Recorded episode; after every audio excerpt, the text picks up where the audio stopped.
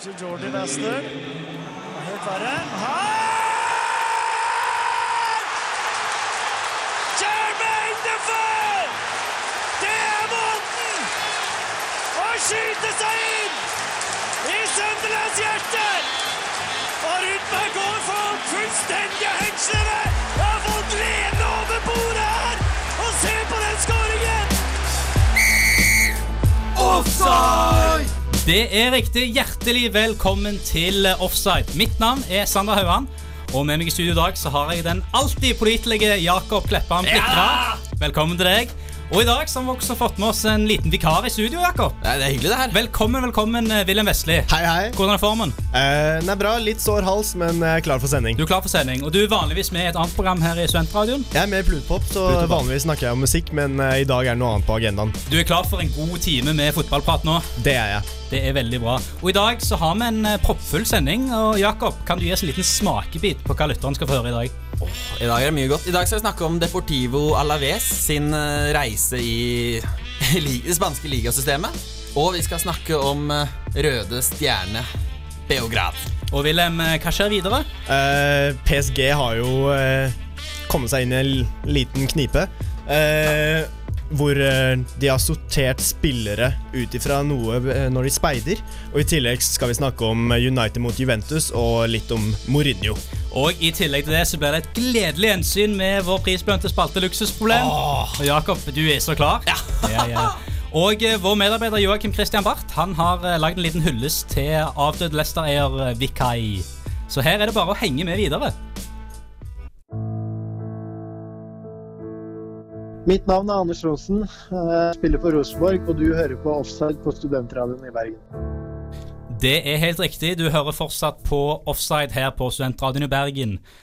Nå skal vi over til ja, det man kan kalle en liten skandale. Nå På fredag kveld så smalt det et par bomber fra det velkjente nettstedet Football Leaks. Eh, Blant annet så kom det fram at 16 storklubber eh, ja, har signert en liten introduksjonsavtale om å eh, bli med i en europeisk superliga. Men vi skal snakke om noe annet, nemlig hva PSG har drevet med i de siste årene. Og Wilhelm, du kan fortelle oss mer om dette. Det som har skjedd er at fra 2013 til 2018 så har PSG sine speidere holdt på Eller funnet spillere på en litt merkelig måte.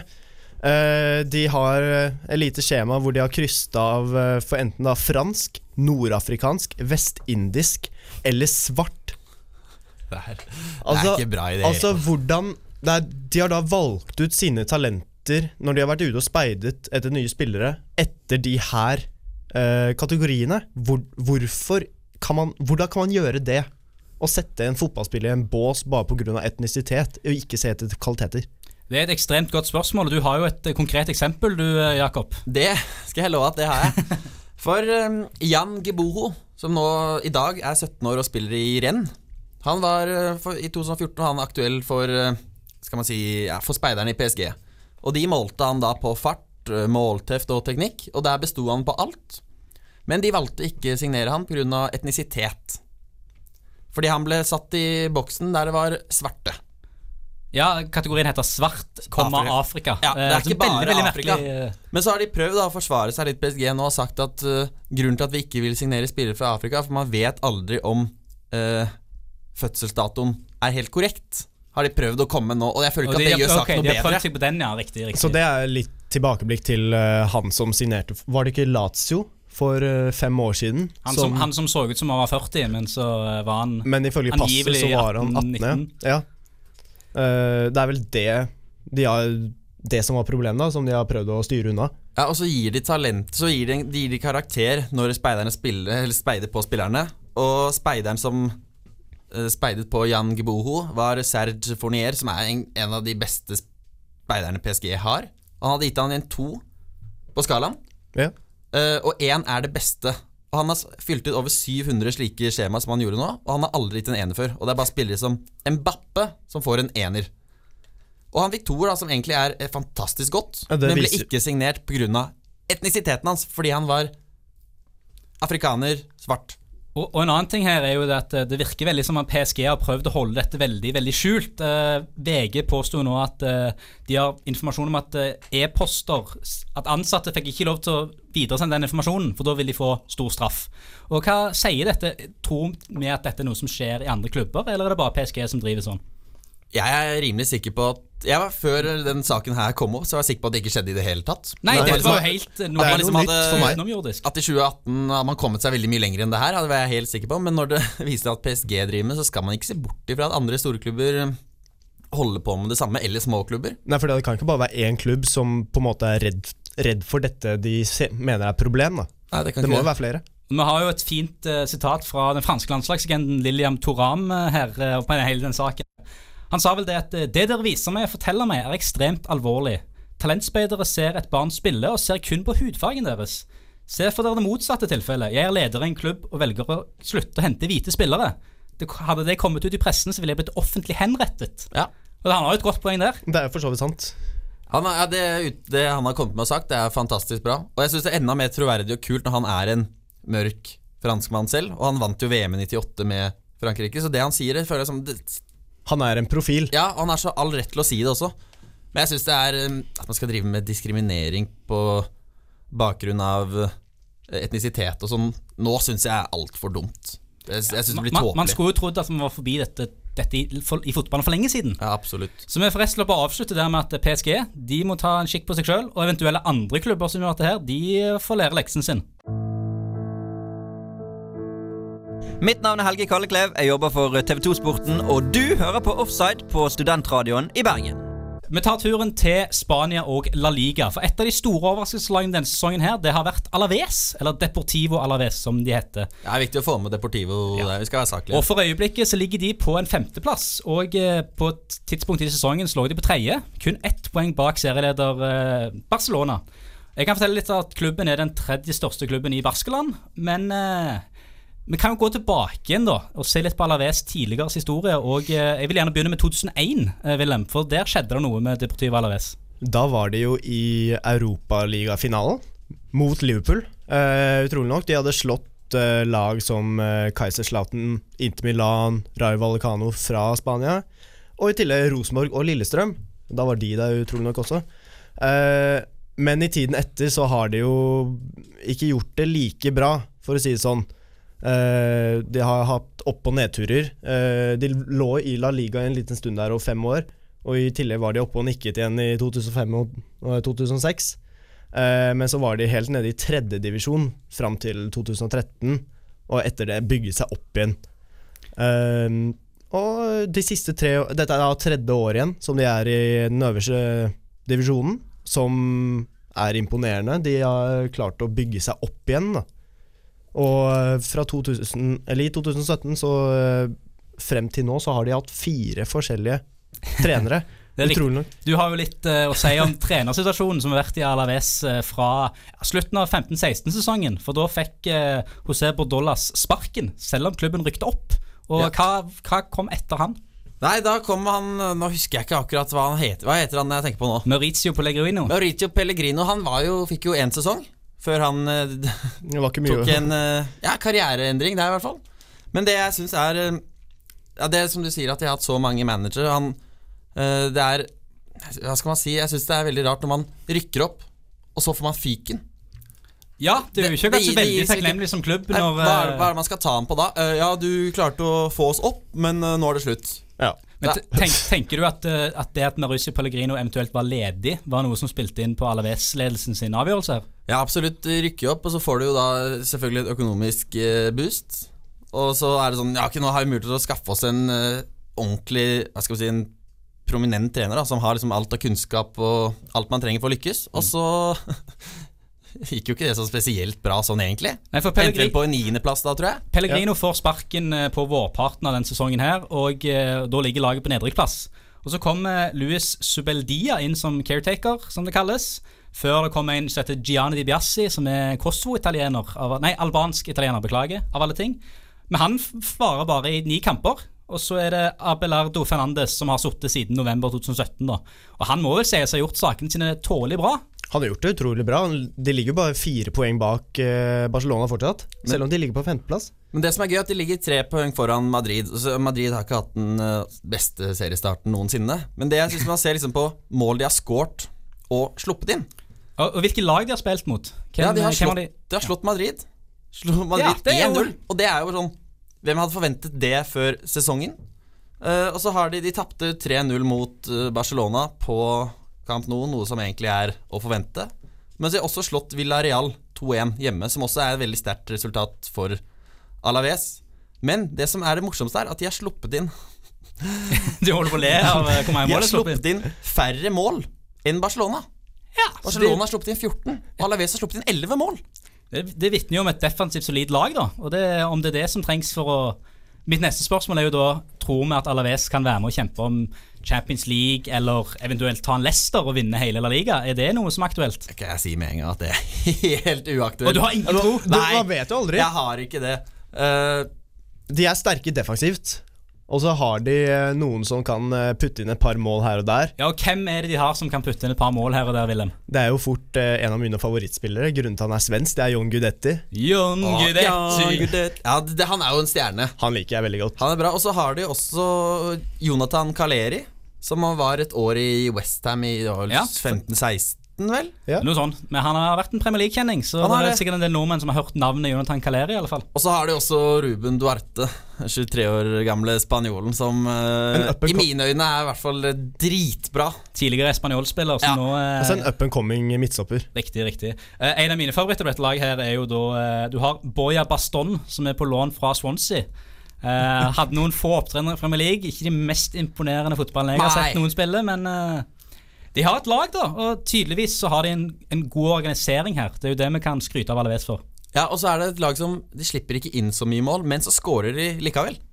Det er, sånn, det er akkurat det du trenger. De scorer nok mål til å få poeng, og de klarer å holde, holde buret tett som regel. Og helt avslutningsvis, eh, jeg skal spørre begge to. Har vi troen på Champions League-plass for Alaves, Jakob? Ikke i nærheten engang. Ikke i nærheten, Wilhelm. Som vanligvis er det lag som dette som faller av etter nyttår. Og de normale lagene tar seg opp. Så jeg tror dessverre ikke de har Champions League-plassen i dag. Så vi. Offside vi konkluderer med at uh, beklager Alaves, det blir ikke noe Champions League-spill på dere neste sesong. Jeg heter Unni Arstein, og nå lytter du til Offside. Det stemmer, du lytter fortsatt til Offside her på Studentradioen i Bergen. Mitt navn er Sander Haugan, og med meg i studio så har jeg eh, Jakob Lekman Blikra og Wilhelm Vestli. Hola. Før pausen så snakket vi litt om Alaves og spansk fotball, og nå skal vi bevege oss eh, ja, over dammen, kan vi kalle det det, til England og eh, Manchester United, som spilte kamp mot Juventus for et par dager siden. Og de har jo hatt en tung start på sesongen, United. Det skal jo ingen stikke under en stol. Eh, Men nå har de fått et par gode resultater. De snudde kampen mot eh, Newcastle, de snudde kampen mot Bournemouth, og så snudde de pigede kampen mot Juventus òg her på Utrolig nok. Utrolig nok. Og, eh, og ja, man må jo snakke litt om det som skjedde etter den kampen, da. Ja. For eh, hvor enn bra denne gjenopphentingen var, så skjedde det en liten sak etter kampen. Og Jakob, kan du prøve å forklare til de som har levd under en stein de siste dagene, hva Så som skjedde? så absolutt. Først vil jeg bare, bare si gratulerer til Cristiano Ronaldo med en fantastisk scoring. Bare å sånn starte med det.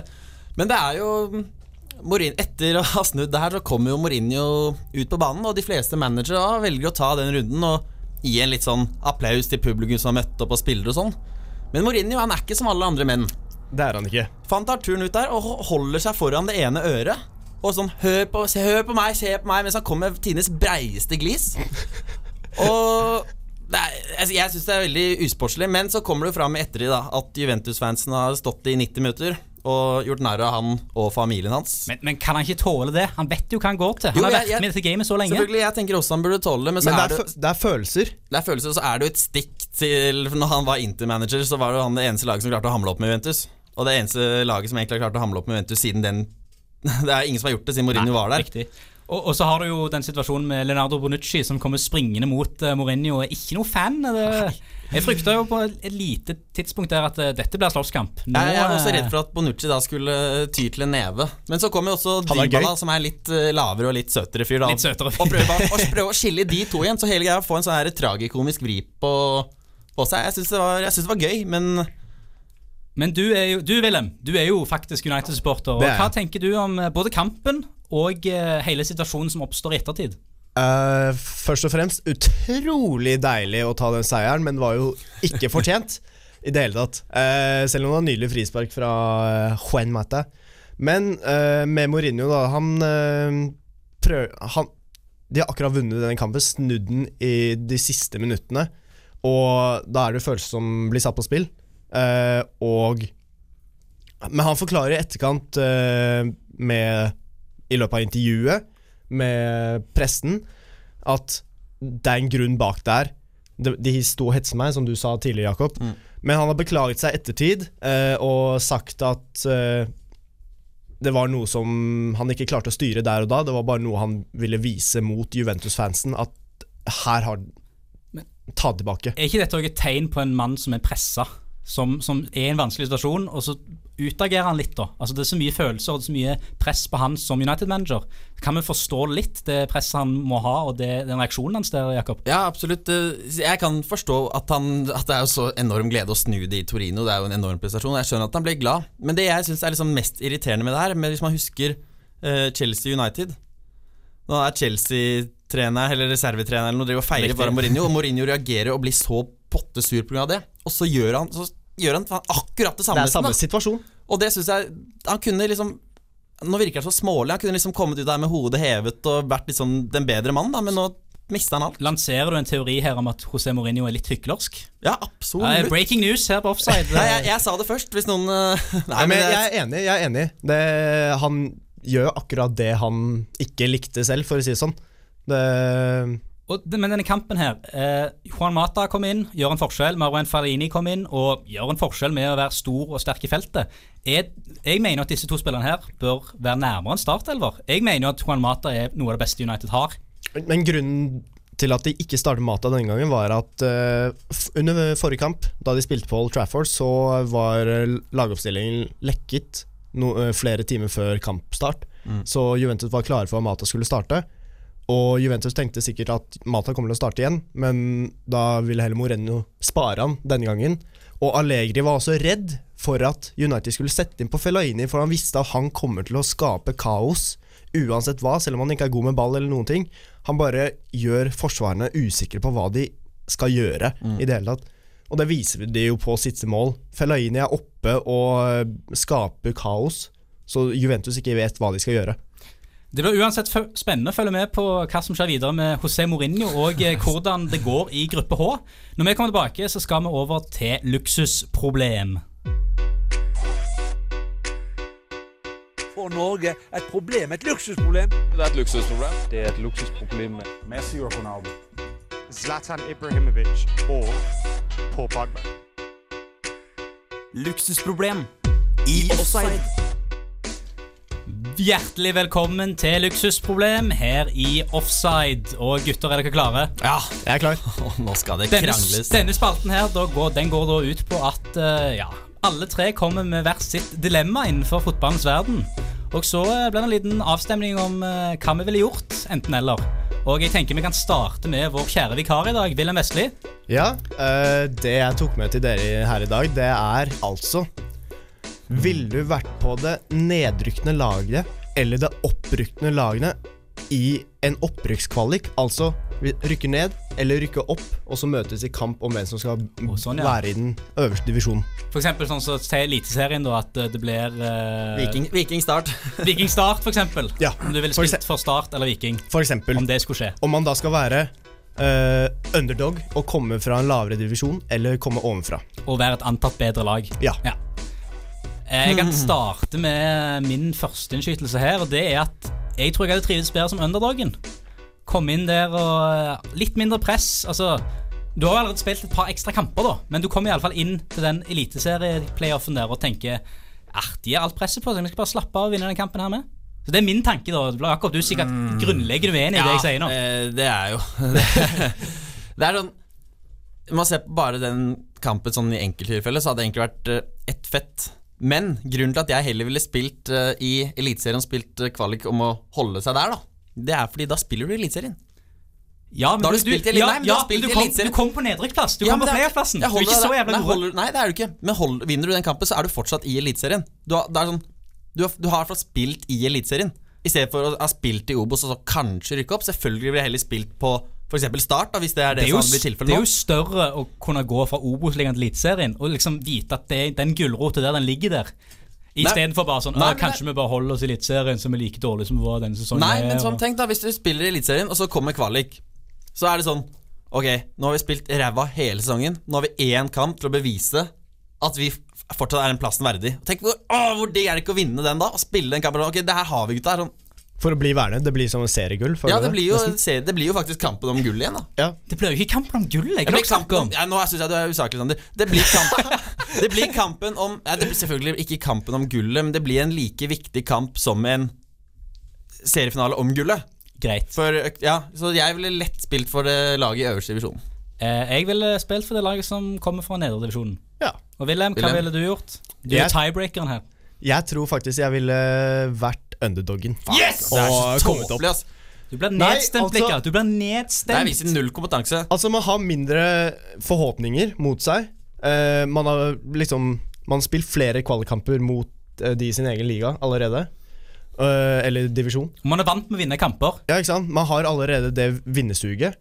Ikke sant? Og man skal fortsette. Vi skal bare komme oss opp dit. Vi skal bare, det er ett lag igjen, så er vi der. Så du tapte. Nei. Men Jakob, du skal få sjansen til å presentere ditt luksusproblem. Kan ikke anerkjenne det tapet der, for det er jo helt feil, men det er greit. Ok, i dag har jeg faktisk tatt meg en eh, Jeg vet ikke helt om det blir kaos eller ikke, men eh, vi har vært innom eh, Deportivo Alaves. Ja, det har vi vært innom. Og Da tenker jeg at vi kan fortsette i de banene der. Ok. Ja. For det er jo et lag som man kan si at det er under oppbygning. Ja. Så hvis dere hadde vært manager i Alaves, ville dere da kjøpt en spiller som var 30 år og fantastisk god nå? Eller ville dere kjøpt en 23-åring, f.eks. en eh, Lozano, som du vet liksom Han er god, men han kan fortsatt bli mye bedre. Og han kommer til å være lenger i klubben. Ja, mest så ville sannsynlig. du kjøpt en gammel eller 30-åring som er dritgod, eller en yngre som blir lenger, men som ikke er like god nå. Jeg hadde jo gått for eh, Med tanke på at de ligger på femteplass nå, og det er ikke mange poengene bak Barcelona, så har jeg henta den rutinerte 30-åringen som gjør at vi vinner ligaen.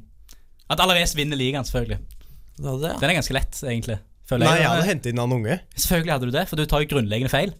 Nei, fordi Ok, hør. Begrunn, begrunnelse. Ja, Man får inn en ung spiller som er gira på å gjøre noe nytt.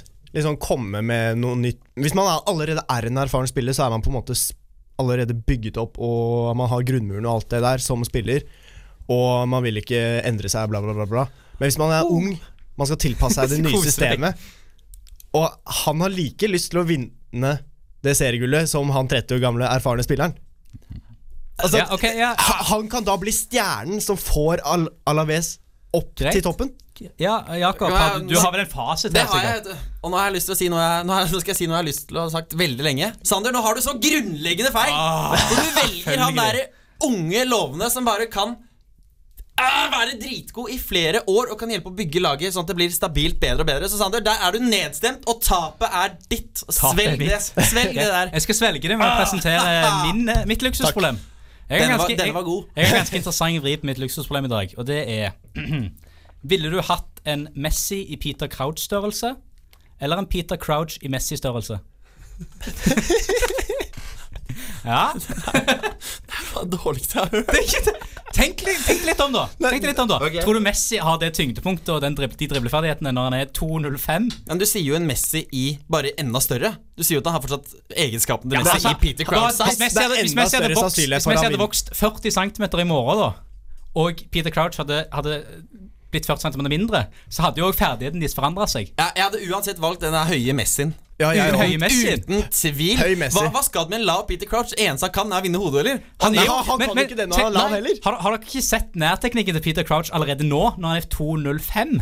Har Tenk, tenk hvor bra nærteknikken han har når han er nede på det her er, 1,69. det her er tåpelige greier. Å kaste, kaste bort tiden min på å velge mellom noe sånt.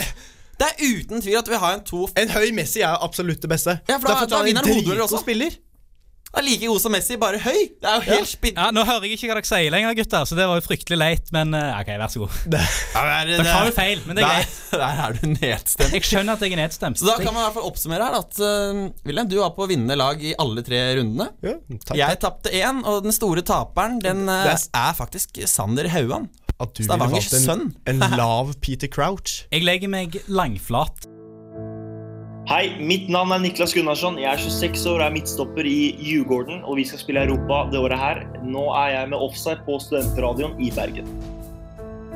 Du er fortsatt med Studentradioen i Bergen og Offside. Og eh, nå, som jeg nevnte innledningsvis i programmet, så skal vi over til en hyllest. Vår medarbeider Joakim Christian Barth han har lagd en liten eh, ja, tribute til Vikais Rivadana Praba, og den skal vi føre på nå. I 2010 skjedde det som kom til å forandre Leicester fotballklubb for alltid.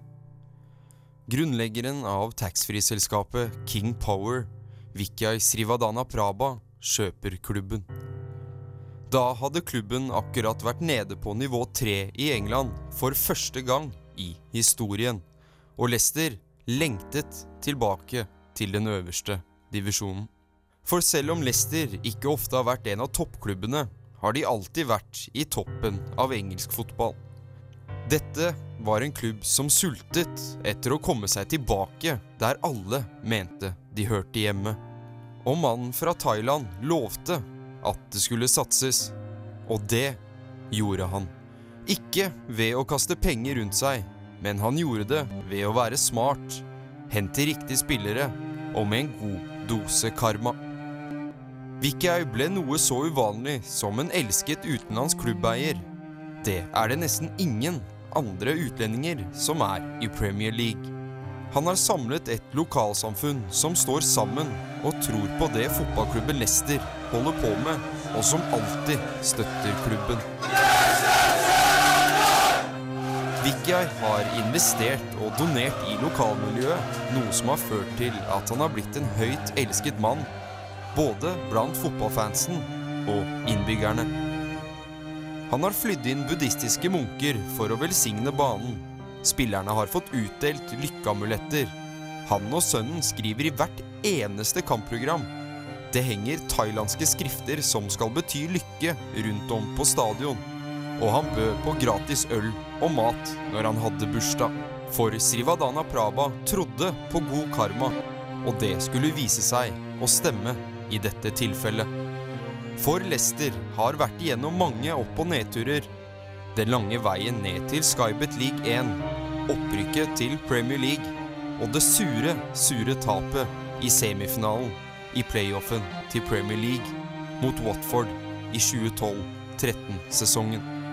Anthony Knockart kan sikre finale i playoffen for Leicester, men Manuel Almunia i Watford-målet gjør en helt vanvittig dobbeltredning. Knockout takes, Almunia saves, knockout follows in, Almunia saves again! Absolutely astonishing! Now here come Watford. Så skjer alt som ikke skal skje.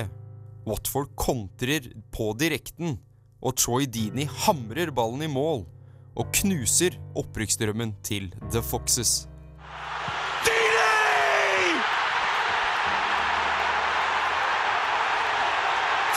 Scratch your eyes! You are really seeing the most extraordinary finish here with the very last kick of this playoff semi-final. Troy Deeney wins it for Watford and sends them to Wembley. Men revene fra Leicester skal likevel reise seg sesongen etter. Oppturen blir bygget med opprykket i 2013-14-sesongen, hvor de vinner championship overlegent med 102 poeng.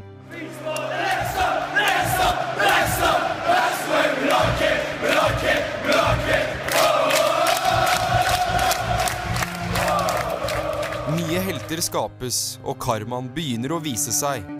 Claudio Ranieri finpusser diamanter som Ngolo Kanté, Riyad Mahrez, Jamie Vardy, Wes Morgan, Robert Hood og Kasper Schmeichel. Disse spillerne spiller en sesong man knapt har sett maken til. 2015-16-sesongen kommer alltid til å stå i historiebøkene til både Leicester og Premier League, som sesongen det umulige skjedde. Tidenes mest overraskende ligamesterskap blir kronet i mai 2016. Så forandrer det Premier League for alltid. For det er Leicester City som har vunnet. Leicester City er mester. Etter 132 år med fotball, så er de endelig best. Og bak den historien sto en høyt elsket 61-åring fra Thailand og tok imot hyllesten fra fansen som elsket han så høyt. Etter helikopterulykken er det et blomsterhav rundt King Power Stadium verden knapt har sett maken til utenfor en fotballstadion. Den vanlige helikopterturen han tar etter hver hjemmekamp, skulle bli skjebnen til Srivadana Praba. Og for å understreke hvor høyt han blir savnet av både fans, spillere og klubb, så var Kasper Schmeichel villig til å sette sitt eget liv i fare for å redde klubbeieren da han så det brennende helikopteret og begynte å løpe mot det. Hvil i fred, Vikyai. Du vil bli savnet, og ditt eventyr vil alltid bli husket. Jeg heter Unni Arstein, og nå lytter du til Offside. Velkommen tilbake til Offside her på Studentradioen i Bergen. Mitt navn er fortsatt Sander Hauan, og med meg i studio så har jeg Jakob Kleppan Blikra og Wilhelm Vestli. Tidligere i sendingen så har vi tatt for oss eh, United mot Juventus-kampen. Og det var jo en annen spennende kamp i Champions League-runden denne uken, nemlig Røde Stjerne mot Liverpool. Der tok Røde Stjerne en overraskende seier på fryktinngytende Rako Mitic stadion, eh, mer kjent som Maracana. Så vant det serbiske storklubben 2-0 og Liverpool ble sendt hjem med halen mellom beina. Men vi skal se nærmere på Røde Stjerne som klubb, for hvem er egentlig denne serbiske storklubben? Og eh, Wilhelm, du kan eh, starte her. Jo, enkelt og greit. Den røde stjerne ble stiftet i 1945 under an den andre verdenskrig av antifascistiske studenter og fotballspillere. Eh, og det, det, er jo eh, Det laget blir sett på som et symbol for serbisk nasjonalisme. Eh, og ifølge en spørreundersøkelse fra 2008 så heier hele 48% nesten halvparten av den serbiske befolkningen Det er ganske ekstreme tall, altså. dette laget. Og det, Eh, det, som er, det som er gøy med det laget, er at før i 1944 i Serbia så ble alle fotballagene oppløst. Da var det ikke noe mer fotball pga. krigen og ulike ideologiske oppfatninger. Men så slo, som du sier, eh, i 1945 så ble jo det laget her dannet. 4. mars, faktisk. Eh, Og da ble det slått sammen av to lag som hadde vært før Fotballforbundet ble oppløst. Så slo seg sammen til Røde Stjerne, og de spiller jo da i røde og hvite drakter, som er liksom eh, fargene eh, til Serbia. Serbia og serbisk. Så det er sånn Det er jo hele laget er jo egentlig Serbia. Og det har i mange år har jo alle spillerne som har spilt på Røde Stjerne, vært det serbiske landslaget. Så det er, det er en ganske kul klubb sånn sett. Og du har jo tatt en nærmere kikk på noen av kjente spillerne som har vært innom eh, Røde Stjerne. Ja, da er det jo to spillere som fremgjør seg veldig. Og det som er for alle Premier League-fanatikere der ute, han er jo en klassespiller. Og så er det også Dejan Stankovic, som hadde sin karriere proffkarriere i egentlig Lazio og Inter. Og han vant jo også, apropos Mourinho, som vi snakka før, han fikk jo the triple season med Inter. Ja, og Dejan Stankovic må også nevnes at han fikk jo sin de- A-lagsdebut eh, i Røde Stjerne, der han òg ble klubbens yngste kaptein noensinne, i en alder av 19 år. Det er imponerende. Det er ganske Det er godt imponerende. Og de har jo vunnet litt, eh, Røde Stjerne. Det kan vi ta oss gjennom, Jakob. Ja, de har ganske Det er en klubb med mye tradisjoner. Altså, de har 28 nasjonale mesterskap. Eh, Det er bare fire av de som er i den serbiske ligaen som ble stiftet i 06. Så siden 06 til nå har de bare vunnet fire ganger. Men de har 2006 er det, altså. Ja. Beklager den. Den. Og siden også, også 24 nasjonale cuptriumfer i ulike Ulike cuper. Når det starta, så var det jo et fotballforbund der som inneholdt flere land. Så var det jo mye sånne type cuper. Men så har de også vunnet Uefa-cupen. Det som nå heter Champions League. Ja, i 90-91. Så det er jo en Man kan jo se på det som en storklubb. Riktig. Og så ser vi også på Fifa-rankingen av klubber her. Da ligger de på en 81.-plass i verden.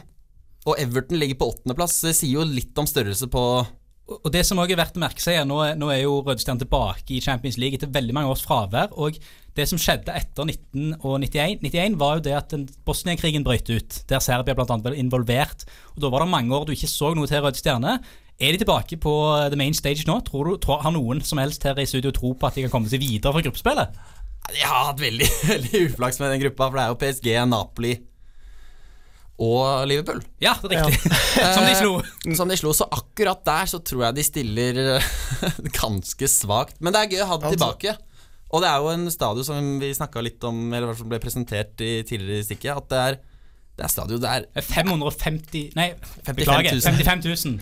tilskuere. ja. Det er ganske mye. Og det er jo en av de mest fryktinngytende stadionene i, i verden. For du går gjennom en Det er veldig rart Ja, den opplegg. for det er- tunnelen? Ja, for det er jo Stadion Holy ligger moly. på ett område, så er det en 190 meters lang undergrunnstunnel til eh, garderoben. Og der skal spillerne gå gjennom. Som, der, er prakt, der er bare politi langs hele veggen for å unngå bråk. Og da hører du liksom det serbiske fansen og ser røyken og ser blusset liksom i andre enden av tunnelen. Man er- hører rungingen fra stadion fra før man har gått inn den Ja, tunnelen, for å si det sånn. skummelt. Og da skal man gå Man skal ikke løpe gjennom sånn at man kommer gjennom fort. Man, de går sakte og skal høre dette. Og nå gjenstår det bare to kamper for uh, Det Røde Stjerne i gruppespill i Champions League. De skal møte Napoli borte før de tar imot PSG på velkjente Maracana. Så dette kan bli utrolig spennende. Hei, dette er Davy Vatne. Du hører på Offside på Studentradioen i Bergen. Ja, du hørte det fra selveste Davy Vatne. Du hører fortsatt på Offside her på Studentradioen i Bergen. Og vi har kommet til veis ende i dag, gutter. Det er trist. Det er trist. Det er, Det har vært en god sending, da. Vi har kost oss. det var gøy å være her. Det er gøy Det er hyggelig å ha deg her. Takk, takk. Og Wilhelm, eh, vi pleier alltid å ta en eh, siste liten runde med hvilke kamper eh, folk bør få med seg i helgen. Og du har vel funnet deg ut en favoritt, har du ikke det? Jeg har jo det, enkelt og greit. Det er faktisk Manchester City mot uh, Manchester United på Etiad på søndag. Det er derby, det. Klokken Klokken halv seks norsk tid. På søndagen? Ja, på søndagen. Så hvis du er litt uh, klein, det er perfekt å se på den. Og Jakob, du Så må har man med huske deg at det er kamper lørdag også. Ja, det er kamper på lørdag òg, Og ja. da er det et uh, historisk oppgjør på San Siro for eh, AC Milan. Tar imot eh, Juventus, som har noe å revansjere etter eh, Oi, oi, oi. United-kampen. Jeg tenker jeg slenger på to kamper, jeg. For på lørdag så kan du se Borussia Dortmund mot Bayern München klokken halv syv. Men kanskje enda viktigere, på søndag klokken ett så kan du se Viking på et fullsatt Vikingstadion med 16 000 tilskuere slå Kongsvinger og rykke opp. Så jeg tenker det er bare å ønske alle en fortreffelig fotballhelg. Ha det bra, gutta. Ha det bra.